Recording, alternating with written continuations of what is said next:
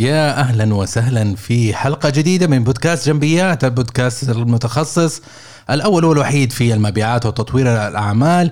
يحدثكم أنور جنبي المدرب الاستشاري في المبيعات وتطوير الأعمال. حياكم الله في حلقة اليوم. حلقه اليوم صراحة جميلة وتلامس آه، تحديات ومواجهات إحنا نواجهها في الوقت الراهن في زمن كورونا.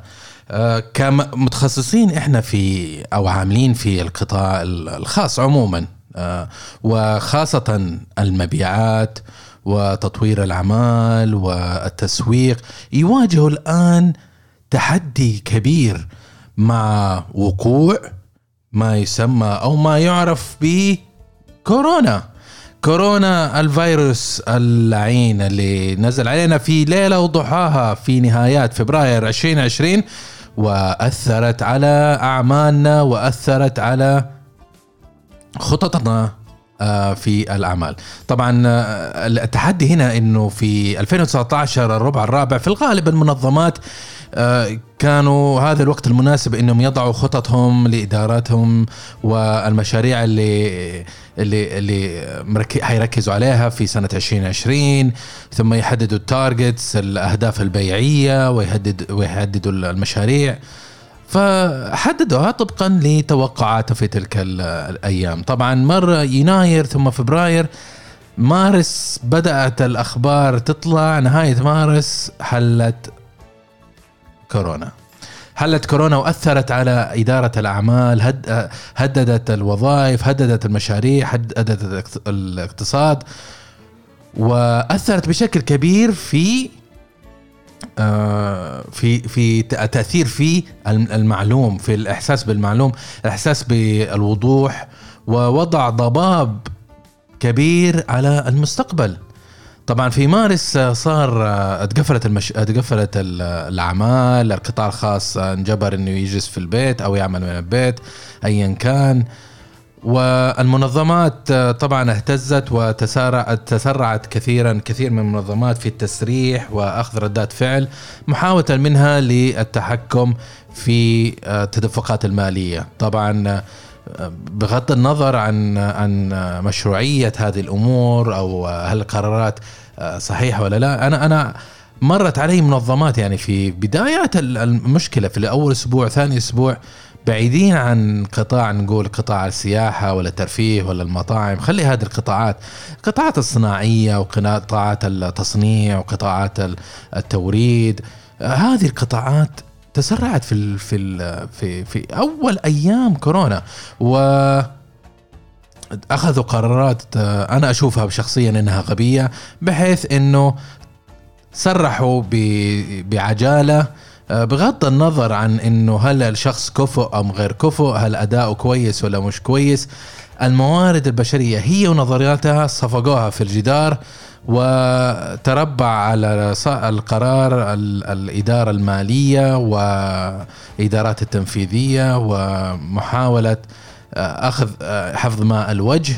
فطبعا ضحوا في العنصر البشري قالوا لك إحنا مش آه، مش هيئات خيرية إحنا ربحية إحنا كورونا ما كورونا. طيب انت في أول أسبوع ثاني أسبوع إيش فيك أنت؟ يعني ماني فاهم يعني إيش التوجه حقكم هذا. إذا أنت لك سنوات وسنوات وسنوات أنت يعني تعبي كيسك من خيرات هذا البلد ومن مشاريعه. لكن في أول مطب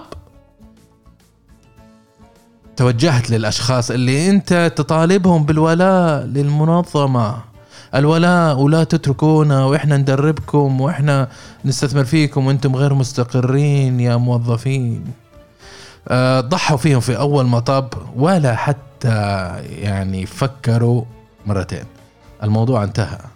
آه، عموما حنتكلم اليوم في هذا البودكاست في حلقة اليوم عن المبيعات في عصر كورونا والتحديات اللي إحنا نواجهها في هذا الوقت. خلوكم معنا بعد المقدمة. وسهلا بكم في بودكاست جنبيات. تحب تتطور في عملك حياتك شخصك. ومن وجهة نظر إدارية أنت تستمع الآن لبودكاست جنبيات. نقدم لك خبرات سنين في الإدارة وتطوير الذات ونظرة جادة. إلى حل المشكلة. زور المدونة. على gambi.me والآن مع المدرب أنور جنبي. زي ما قلنا قبل المقدمة إنه كورونا وضعت تحديات كبيرة على الأعمال وعلى المشاريع ووضعت المنظمات في تحديات كبيرة في تأمين تدفقاتها المالية. فكما نعلم كانت المنظمات قد توسعت. سنين وهي تتوسع خطوة بخطوة وتأمن سلاسل إمدادها والموظفين وتتوسع آه لكن التغير صار هنا إنه كورونا جاء في يوم وليلة من غير ما أحد يدري من غير مقدمات طبعا. فما أمداهم إنه هم يعيدوا ترتيب الخطط الخطط الإدارية الخاصة فيهم آه مع إنه كورونا يعني حالة استثنائية جدا. وكان يفترض يعني لو لو نظرنا إلى المنطق إنه يفترض إنه بحلول كورونا هذا خطأ خطر جسيم وجزء من المخاطر على الإدارة وكان مفروض عليهم هم يعملوا risk analysis على ال business بحيث إنه ياخذوا في الحسبان هذا ويضعوا أجندة بحيث إنه ممكن إذا صار في catastrophe ولا مشكلة طبيعية ولا كارثة طبيعية أو مشكلة اقتصادية أو حرب في الجوار بحيث تأثر على على المشاريع وتأثر على الأعمال كيف يتصرفوا بطريقة رزينة وواعية. لكن للأسف حنتطرق ليش ما عملوا هذا الشيء في في البودكاست في المحاور القادمة. لكن كمبدئيا علينا أن نفهم إنه والله التحديات هذه صارت وهنا آه، سقطت ورقة التوت عن التنفيذيين وعن الإداريين وعن المنظمات. وهل هم قدروا أن يتكيفوا مع هذه المتغيرات بديناميكية ولا لا؟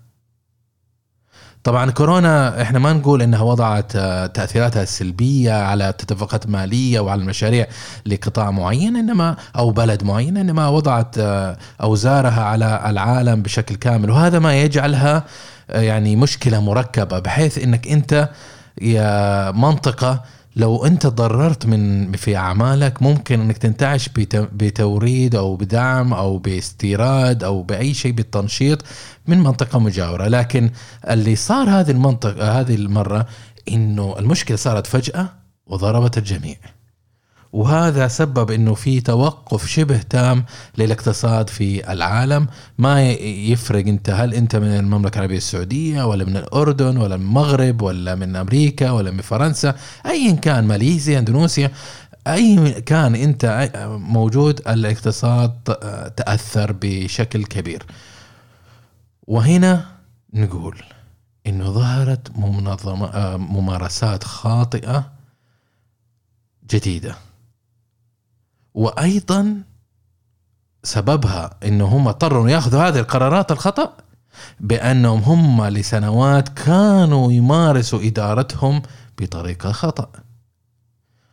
وحنتطرق في هذا البودكاست عن كيف نخرج منها بطريقة أخرى. خلينا نتطرق لأول محور اللي هو كيف إيش وضع الاقتصاد الحالي بشكل عام؟ طبعا أنا لست اقتصاديا ولست متحدثا عن لسان جهة رسمية أو جهة حكومية أو جهة صحية لكن أنا آه، الفقير إلى الله أنور يعمل في قطاع المبيعات القطاع الصناعي business to business وعندي مرئيات وحابب أشاركها لكم وإذا يعني ناسبتكم وجدت فيها منطق كان بها وممتاز لكن إذا وجدت فيها ضربا من الجنون فأرجوكم وقفوا البودكاست مباشرة وأكمل حياتك بطريقتك اللي أنت تراها مناسبة لأنك أنت شخص كبير وواعي وعارف. فعموما خلينا نقول بالنسبة لوضع اقتصادي بشكل عام في المنطقة الإشكالية الآن إنه دائما خاصة في في منطقة دول الخليج الاقتصاد الجاري والجي دي بي يدور بشكل مباشر أو يتأثر بشكل مباشر أو غير مباشر بما يسمى آه، الاحتياج أو طلب السوق للاعبين معينين. يعني إحنا ما نقول إنه السوق والله مفتوحة ولو- قفل فلان أنا أقدر أشتغل مع فلان. لا آه، الوضع الاقتصادي يركز كثيرا على آه، على قطاعين أو ثلاثة قطاعات بشكل مباشر. الأويل جاس البترول والغاز طبعا بما إنه في دول الخليج فمواردنا الأساسية هي من البترول والغاز. وثم بعد ذلك قطاع البتروكيماويات بتروكيماويات. وبعدها قطاع الكهرباء وبعدها بعدها قطاع آه، المياه وتحلية المياه. هذه القطاعات الأربعة الأساسية المحورية والمهمة التي تجري في آه، المنطقة في دول الخليج. طبعا إحنا هنركز إن إحنا دول الخليج بما ان إحنا في دول الخليج أصلا. ف وغالب دول الخليج وضعها الاقتصادي آه، متماشي بشكل بش- بشكل كبير لانها متشابهه وفي نفس المنطقة الجغرافية وهكذا. طيب فالوضع الاقتصادي معتمد على البترول بشكل أساسي آه، ومنها يتفرع القطاعات الأخرى.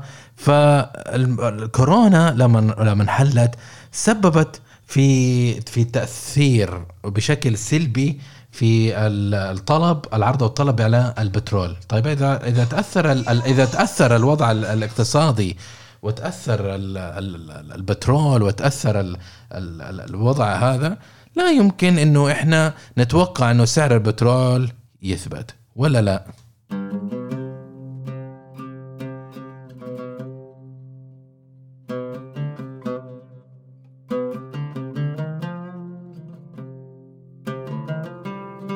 طبعا لما نيجي نقول ما سعر البترول ما يثبت معناته وهذا اللي صار يعني هي مو ما بنتنبأ بالمستقبل إحنا بنتكلم عن وضع حقيقي إنه لما صار العرض والطلب صار في اهتزاز. ليش صار في اهتزاز؟ لأنه الموظفين والناس ما صاروا يذهبوا إلى اعمال ما صاروا يرتحلوا ما صارت في طلب على الوقود بشكل كبير. آه، الرحلات الجوية الدول أغلقت الرحلات الجوية ومنعت الدخول والخروج من دولة نوعا من آه، حماية نفسها من تدفق هذا الفيروس ود- ودخول ودخول إلى إلى البلد من جديد. يعني ما يصير يعالجوا ويجيك شخص ثاني يقعد يعطس على العالم ويصيبون بال- بالمرض من جديد. فكل دولة أغلقت حدودها آه، بشكل كبير. آه، المملكة العربية السعودية طبعا أوقفت الرحلات الدولية من مارس وإلى الآن أنا حسب معرفتي إحنا في في شهر أكتوبر 2020 وإلى الآن أنا ما شو ما على حسب معرفتي إن الرحلات ما ما اشتغلت فعليا وما في دخول وخروج من الدولة. آه، في بوادر الآن شغالة ويقول لك إن شاء الله في في شهر أكتوبر آه، منتصف شهر أكتوبر أو أو في وقت ما في شهر أكتوبر حتبدأ تنفك الطرق بتحفظات وبطريقة إجراءات معينة. لا تعنينا بشيء لكن الشاهد إنه الطلب من الطائرات اللي هي أكبر طلب على وقود الطائرات طبعا أو أو احد منتجات البترول بعد التكرير اللي هي الطائرات. والبواخر طبعا صار في تحفظ أيضا لأنه صارت البضائع الطلب عليها في في قلة فهذا نوع آخر من الاستهلاك للوقود وصار في تحفظ كبير عليها. الناتج إنه صار في عرض للبترول أكثر من الطلب في السوق. وفي شهر مارس على ما أذكر الولايات المتحدة الأمريكية واجهت تحدي كبير في موضوع إنتاجها لأنها كانت تنتج بهبالة وكعادتها أمريكا يعني لا يغركم ال- ال- اللمعان وكذا لكن قراراتهم دائما غريبة. فعموما فكانوا ينتجوا بكميات جدا جدا جدا كبيرة آه، ماني عارف إيش إيش الدافع لكن الناتج إنهم طفحت عندهم كل الخزانات البترول وال- والناقلات النفط تعبت وما عندهم مكان يعني ابار البترول ما تقدر تقفلها وتشغلها لأنك تأثر على على ال reservoir بعدين. وصعب إنك أنت تنتج منها يبغى لك فترة قبل ما تنتج بالكفاءه اللي هي تنتج منها بما أنهم هم أصلا عندهم معتمدين أكثر شيء على ال frac فأنت ما صدقت إنك أنت لما سويت ال frac وبدأ ينتج ينتج البترول من من البير ما صدقت إنه بدأ ينتج فما تبي تقتله بإنك توقف إنتاج. ما تقدر ما هي صنبور. فالناتج إنه طفح كل الخزانات ما عندك مكان تسويه. وصاروا يبيعوا البترول بالسالب. يبيع البترول بالسالب يعني إنه يعطوا الناس بترول وياخذ ويعطوهم فلوس كمان. خذ البترول يرحم أهلك وفكنا منه ما إحنا عارفين إيش نسوي فيه. وما نقدر نكبه في الأرض وما نقدر نسوي فيه أي حاجة وإلا حنضطر ندفع الكثير الكثير حتى نعطيها للشركات بحيث إنها هي تدمرها بطريقتها. فهذا اللي صار في الوضع الاقتصادي لما صار في مشكلة في البترول آه الاتفاقات المالية لشركات البترول والشركات البتروكيماويات آه، اهتزت. آه وطبعا الشركات الكبيرة هذه لها يعني اوفر هيد كبير جدا مصاريف على ال على ال على منشآتها اصولها على الموارد البشرية. فاهتزت المواضيع هذه انعصرت فقامت ترشد من مصروفاتها. لما رشدت من مصروفاتها معناته قل طلبها. لما قل طلبها كل الشركات اللي موجودة في المنطقة تأثرت لأن هي موجودة يعني شركة مثلا آه، فحوصات شركة توريد أجهزة إلكترونية شركة توريد موارد بشرية مقاولات لوجيستكس كل هذه الشركة أو الأخ الأخ كل هذه الشركات آه، وصلت إلى مرحلة بحيث إن هي آه، يعني عجزت إنها توصل للطلب اللي هي تتوقعه أو الطلب اللي هي راسمته في في في خاطرها. آه، فالموردين خلينا نقول الموردين وهذولك العملاء. فالموردين لما يجي يورد للعملاء آه، ما ما في طلب المشاريع وقفت. هذاك ما عنده بترول ما في عمليات ما في إنتاج عنده يعني مصاريف متغيرة ومصاريف ثابتة أنهشت من ال cash flow عنده أو التدفقات المالية قام يرشد من مصروفاته وما صار يصرف إلا على على الضروري. الموردين ما صار عليهم طلب وتورطوا أيضا فصار صارت هي ك domino effect الموردين ما عندهم برضه capital بس أصغر بس برضه ما هم عارفين شو يسووا وما هم عارفين يحتفظوا بالموارد ما يحتفظوا بالموارد شو يسووا وش السالفة. آه، هل الوضع ممكن يتحسن بعد شوية وأتورط بعدين إني قد سرحت أنا ولا ما قد سرحت؟ آه، فهذا هذه هي الإشكالية اللي إحنا وقعنا فيها في في كورونا.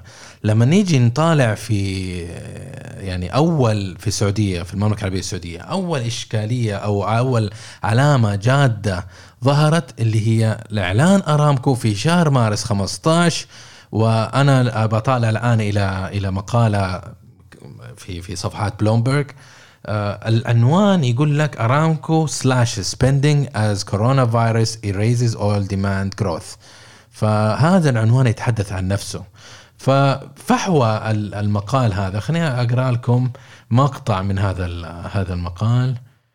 أوكي capital expenditures will be between 25 uh, billion dollars and 30 billion dollars in 2020 and spending plans for next year and beyond are being rewarded reviewed sorry reviewed aramco said the oil giant is lowering that range from the planned 35 billion to 40 billion announced in its IPO prospectus and compares with 32.8 billion in 2019 يعني يعني في 2019 آه، كانت مصروفاتهم على ال CAPEX آه، تقريبا 32.8 بليون الآن هم يتوقعوا 25 billion to 30 بليون ف يعني حتى ال maximum range اللي هي 30 بليون دولار أقل من ال ال ال اللي صرفوه هم 2019 فمعناته في في كراش في الديماند أو أو في ترشيد في المصاريف.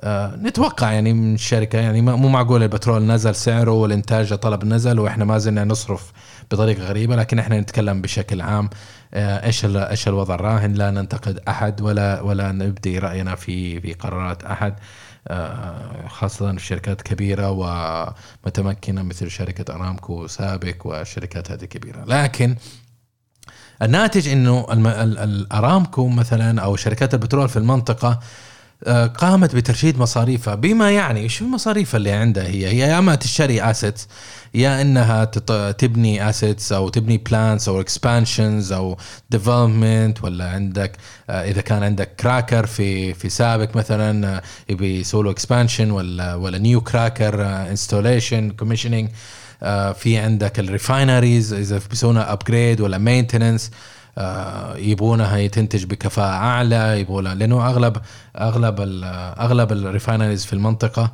آه، لها قضت سنين ما شاء الله تبارك الله فليها عمر قضته فمعناته هذا asset له ايج في الغالب يعني نقول 80% من ال assets الموجودة في ال refineries آه، عمرها كبير معناته العمر كبير معناته عمرها افتراضي تقريبا آه، متقدم. واذا عمرها متقدم أي أصول معناته تحتاج مصاريف صيانة بشكل أكبر.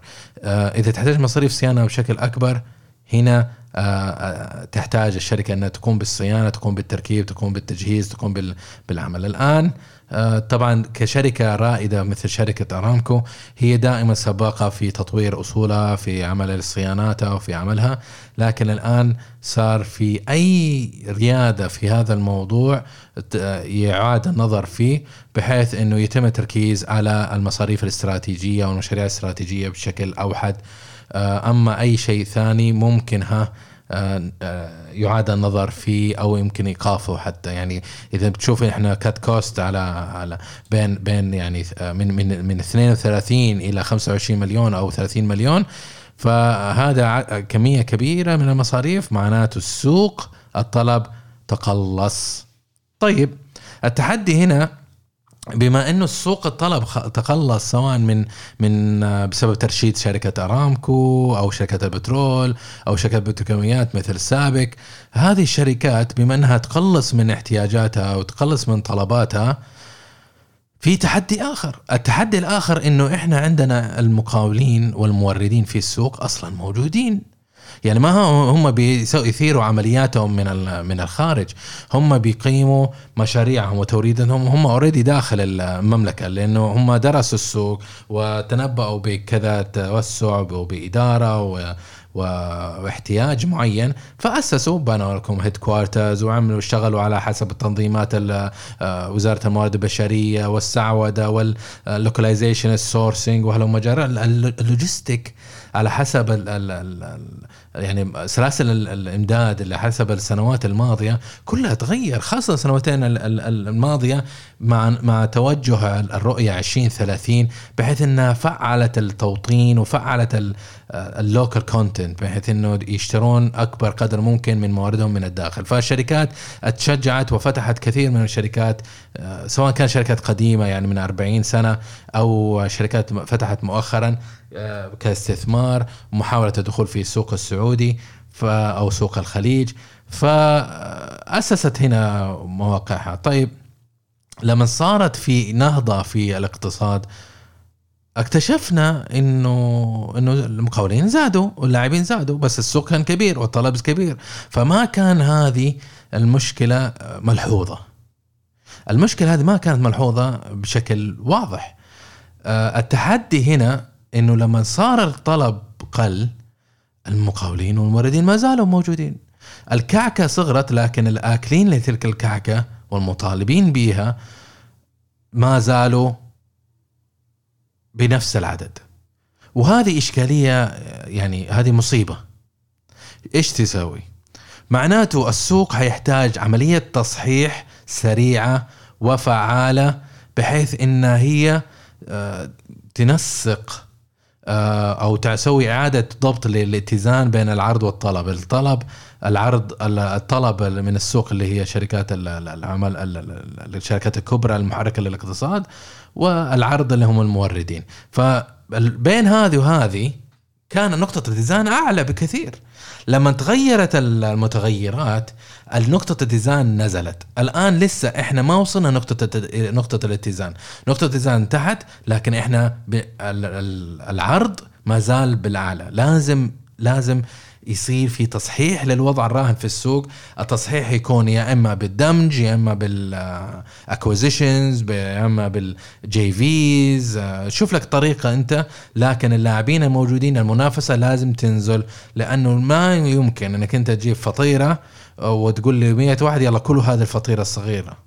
عرفتوا؟ فلما بدل ال تقول للناس معلش إحنا ما نقدر نسوي روح أنت فلان روح لشركة فلانية روح لهذا. صرفهم يصفى لك خمسة أشخاص يقدر يتشاركوا مع في, في الكعكة هذا الأصغر. إحنا ما بنقول إنه يعني الوضع الاقتصادي بهذه الطريقة لكن أنا بس من باب ضرب المثال وإيصال الفكرة.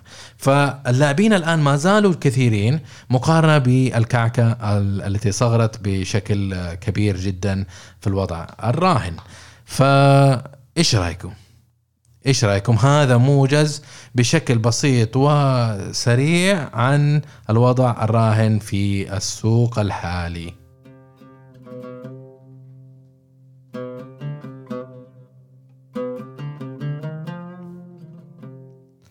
حنتطرق الآن إلى ممارسات خاطئة في إدارة الأعمال وإدارة المبيعات. آه، الممارسات الخاطئة اللي حب أتطرق لها رقم واحد المركزية في أخذ القرار. المنظمات يعني بشكل نقول 80% وأتحدى أحد يقول لي لا إنه في مركزية وهذا أصل يعني طبيعة متأصلة في الإدارة في السوق المحلي بحيث إنه الاخ قرار يكون دائما من شخص واحد. أعرف أحد الشركات الزراعية المدير التنفيذي الخاص فيها يتدخل حتى في المجلة وألوانها، يتدخل في نوع المنتجات والتعليب، يتدخل في كل صغير التوظيف في لأي مرحلة. يتدخل فيها بشكل أوحد هذه هي أهلا وسهلا فيكم في عالم المركزية في أخذ القرار لو ذهبنا إلى الشركات العائلية أوه حدث ولا حرج. هم اللي اخترعوا أصلا المركزية. عندك القطاع الخاص في الغالب والمبيعات بشكل خاص. آه، دائما المدير يكون هو صاحب القرار أما الباقيين اللي حوله كلهم كومبارس وقد يقول واحد يقول لا والله هذا مو وضع انت هذا رؤيتك وانت الكومبارس إيش. أقول لك اسكت ولا تقعد تهايط علينا وتقعد تسوي لي فيها أبو أبو خبرة. انت كومبارس. اللي مديرك هو اللي يديرك ويقول لك ومش عارف إيش. انت ما عندك لا قرار ولا عندك فكرة ولا تقدر تسوي شيء واحد من غير الاعتماد من من من عمك من مديرك. فهذه هي إشكالية رقم واحد اللي كنا إحنا نعاني منها. ليش هي إشكالية؟ إحنا ما عودنا القوى العاملة إنه يحسوا أو يفهموا الصورة الكبيرة. إحنا ما عودنا القوى العاملة بأنهم ياخذوا القرار. إحنا ما عودنا الإدارات الوسطى والموظفين والعمال وما جهزناهم إنهم إنهم يرتقوا بأي طريقة إلى المرحلة القادمة.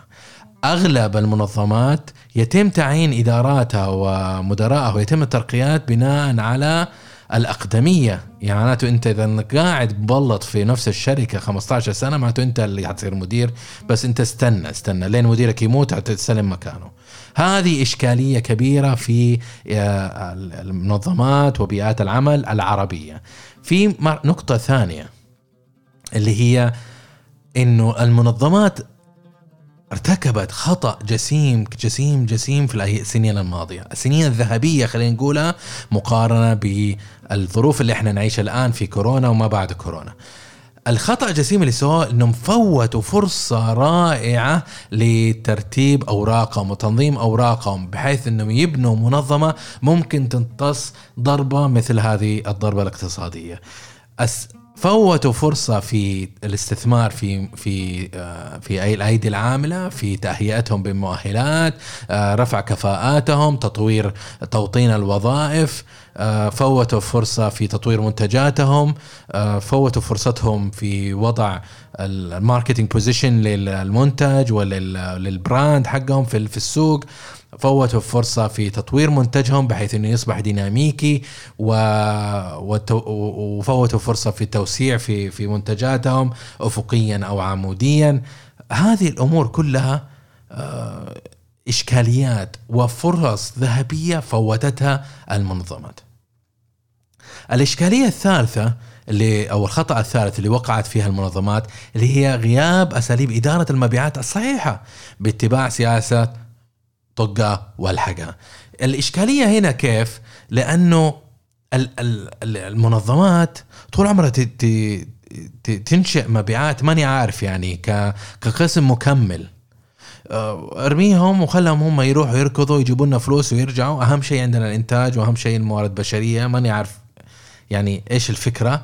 لكن فوتوا فرصة كبيرة إنهم يبنون إدارة المبيعات بطريقة صحيحة. ليش؟ لأن المبيعات من أكثر الأقسام اللي أصلا ما تدرس اكاديميا فما في نظريات وما في شيء ممكن قالب أنت تتبناه بحيث إنه تطبقه جاهز مجهز. معناته أنت يا إداري يا صاحب القرار لازم تتخذ القرارات الصحيحة لازم أنت تبني إدارة المبيعات بطريقة صحيحة لازم أنت توظف الشخص الأشخاص الصحيحين.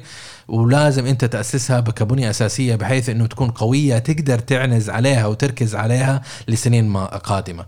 ولو هم فعلوا هذا التصرف كان في كورونا هم ما يعانوا ويتخبطوا مثل ما يتخبطوا سائر المنظمات في الوقت الراهن.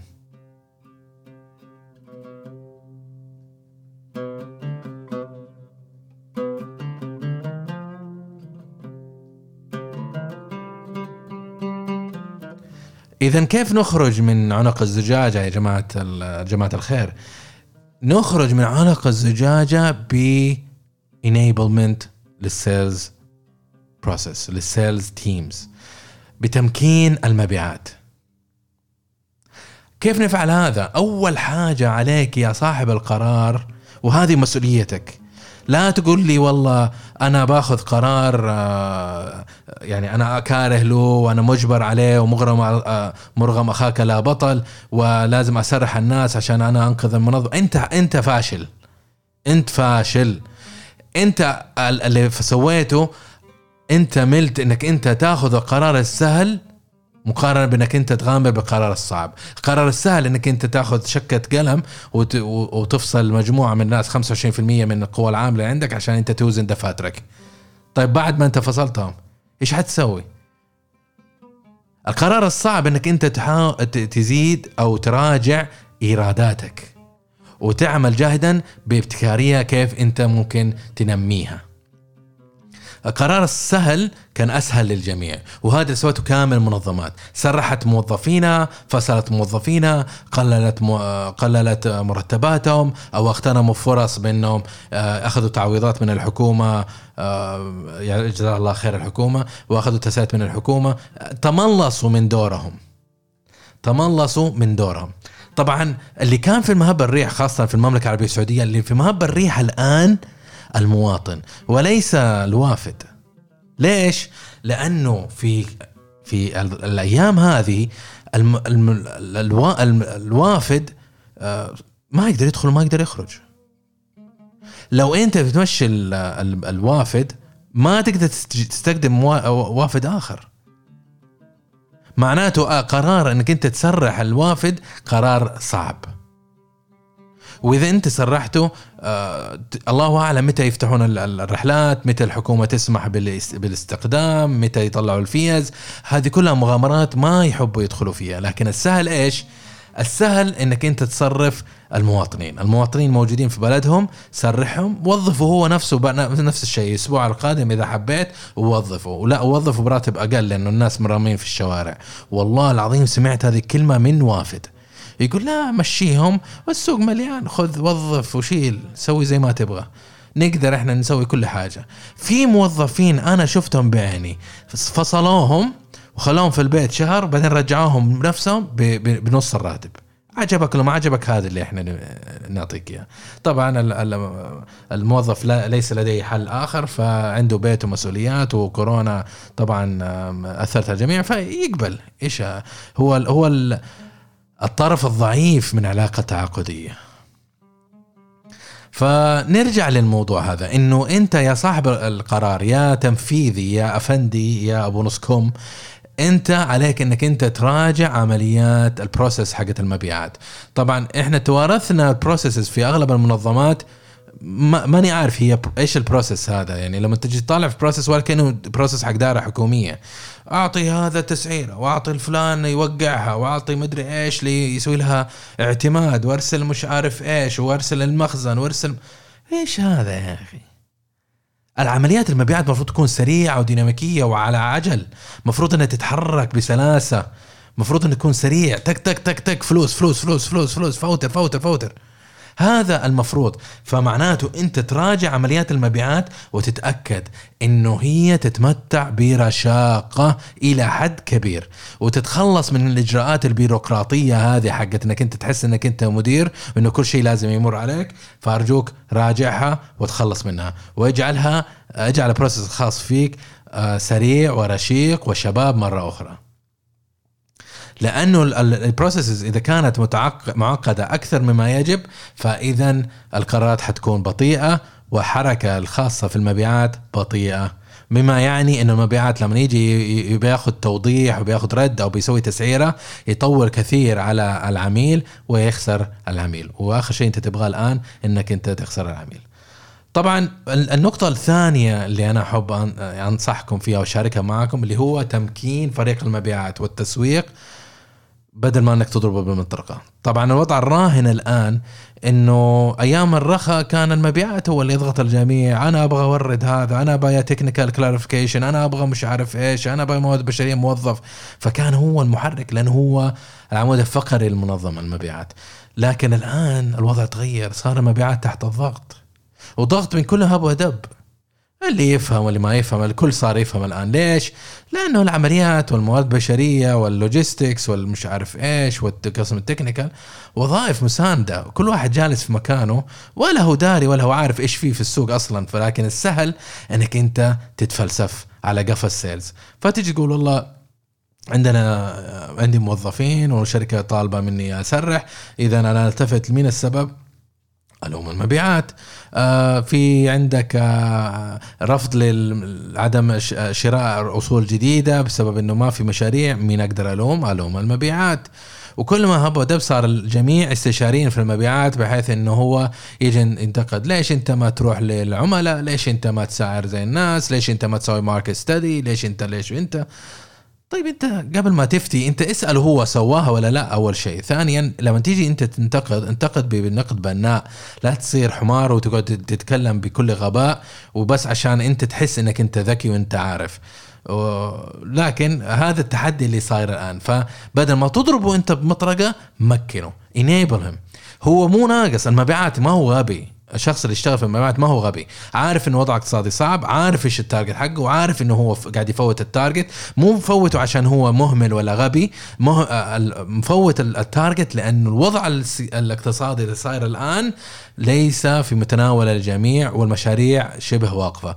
فأنت عليك يا أفندي إنك أنت يا صاحب القرار إنك أنت تمكن فريق المبيعات. وحاول تحرره من الضغط اللي ما هو لازم. خليه منطقي. أعيد أنت أعيد رسم خطتك ال targets حقتك sales targets أعيد تنظيمها. أعيد تنظيم ال KPIs الخاصة فيك حتى تواكب التغيرات الحاصلة. أنت الآن ماشي قاعد تحكم على مبيعات وقاعد تحرق كرته ب KPIs وأهداف بيعية مقرر من 2019 أيام الرخاء قبل كورونا. هذا مو منطقي. أي منظمة ما عادت تنظيم ال targets وال KPIs الخاصة فيها ومعايير القياس الخاصة بالأداء معناته عندها خلل في رشد وإدراك إدارتها. النقطة الثالثة اللي حابب أتطرق لها هي التركيز على الريادة والتفكير خارج الصندوق. عشان تخرج من من الوضع الاقتصادي الراهن لا تيجي تقول لي أنا على سنة وابائنا واجدادنا وحستمر على اللي إحنا نسويه معناته أنت حتنزل وحتنخفض عشان تخرج من هذا لازم تفكر خارج الصندوق لازم تفكر بطريقة ديناميكية لازم تفكر كيف تتوسع وين دخل البيزة وين دخل الهللم وين دخل القرش. لازم تبحث عن أماكن مصادر جديدة لأنه مشاريع الآن واقفة. إذا كنت تنتظر المشاريع معناته I'll tell you good luck. Wait for your project. المشاريع ما حتصير في يعني أنا ما أحس إنه المشاريع ممكن تصير قبل كيو 2 2021 ممكن ان تبدأ تتلحلح بناء على التغذية الراجعة من الاقتصاديين ومن الشركات وتصريحات الشركات الكبرى. ف Q 2 21 ممكن إنه إحنا نبدأ نشوف العجلة. ملحوظة إنها تبدأ تدور. لكن قبل كذا ما أظن. معناته أنت لازم تبحث عن مصادر أخرى للريادة. روح للعملاء. آه، اجتمع فيهم. اسألهم إيش اللي صار التحديات اللي عندهم. كيف ممكن تساعدهم؟ آه، عارض عليهم portfolio مرة. حتى لو يعرف روح قابله. أنا عارف الآن صعب إنك تقابل العملاء. ما تقابله أونلاين. قابله على على الهاتف النقال أو التليفون الجوال أو التليفون الثابت. أعمل له webinar آه، أعمل اجتماعات اونلاين على زوم ولا ايا كان.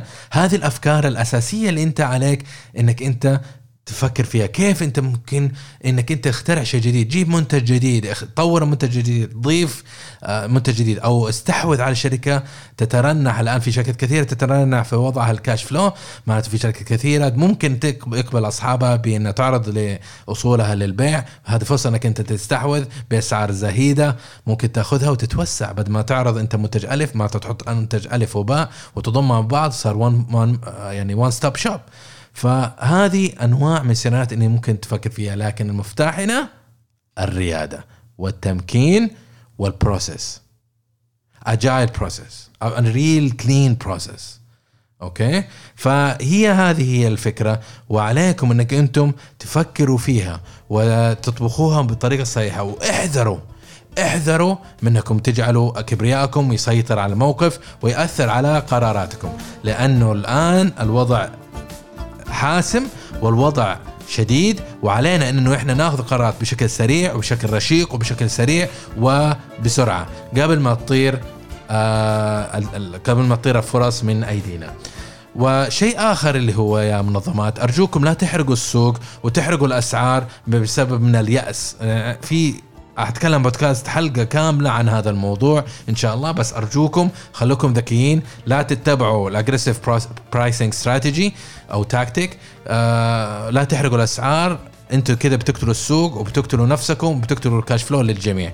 آه أرجوكم لا تساهموا إحنا عندنا مشاكل كفاية لا تساهموا في إشكاليات أكثر. يعطيكم العافية وهذا اللي كان عندي أقوله في هذا اليوم.